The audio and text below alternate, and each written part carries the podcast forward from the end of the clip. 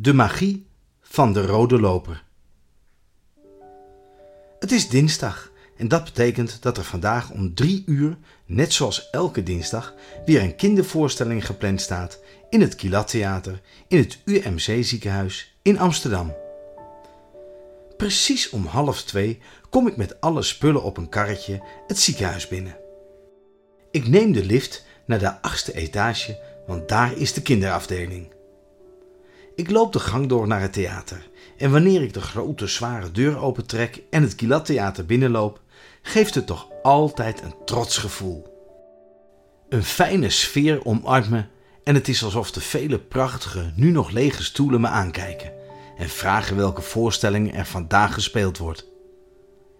Nadat ik de kar heb leeggehaald, de spullen op zijn plaats heb gezet en de artiesten welkom heb geheten, is het tijd voor het magische moment.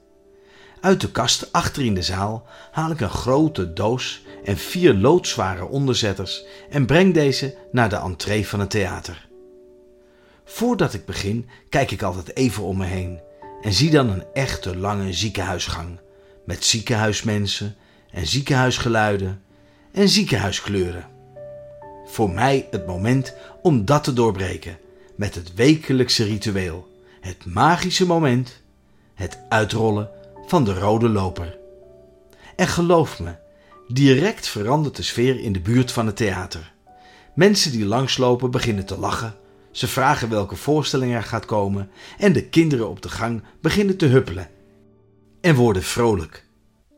Als de rode loper is uitgerold, zet ik er van die mooie zilverkleurige paaltjes bij, met dat chique rode koord.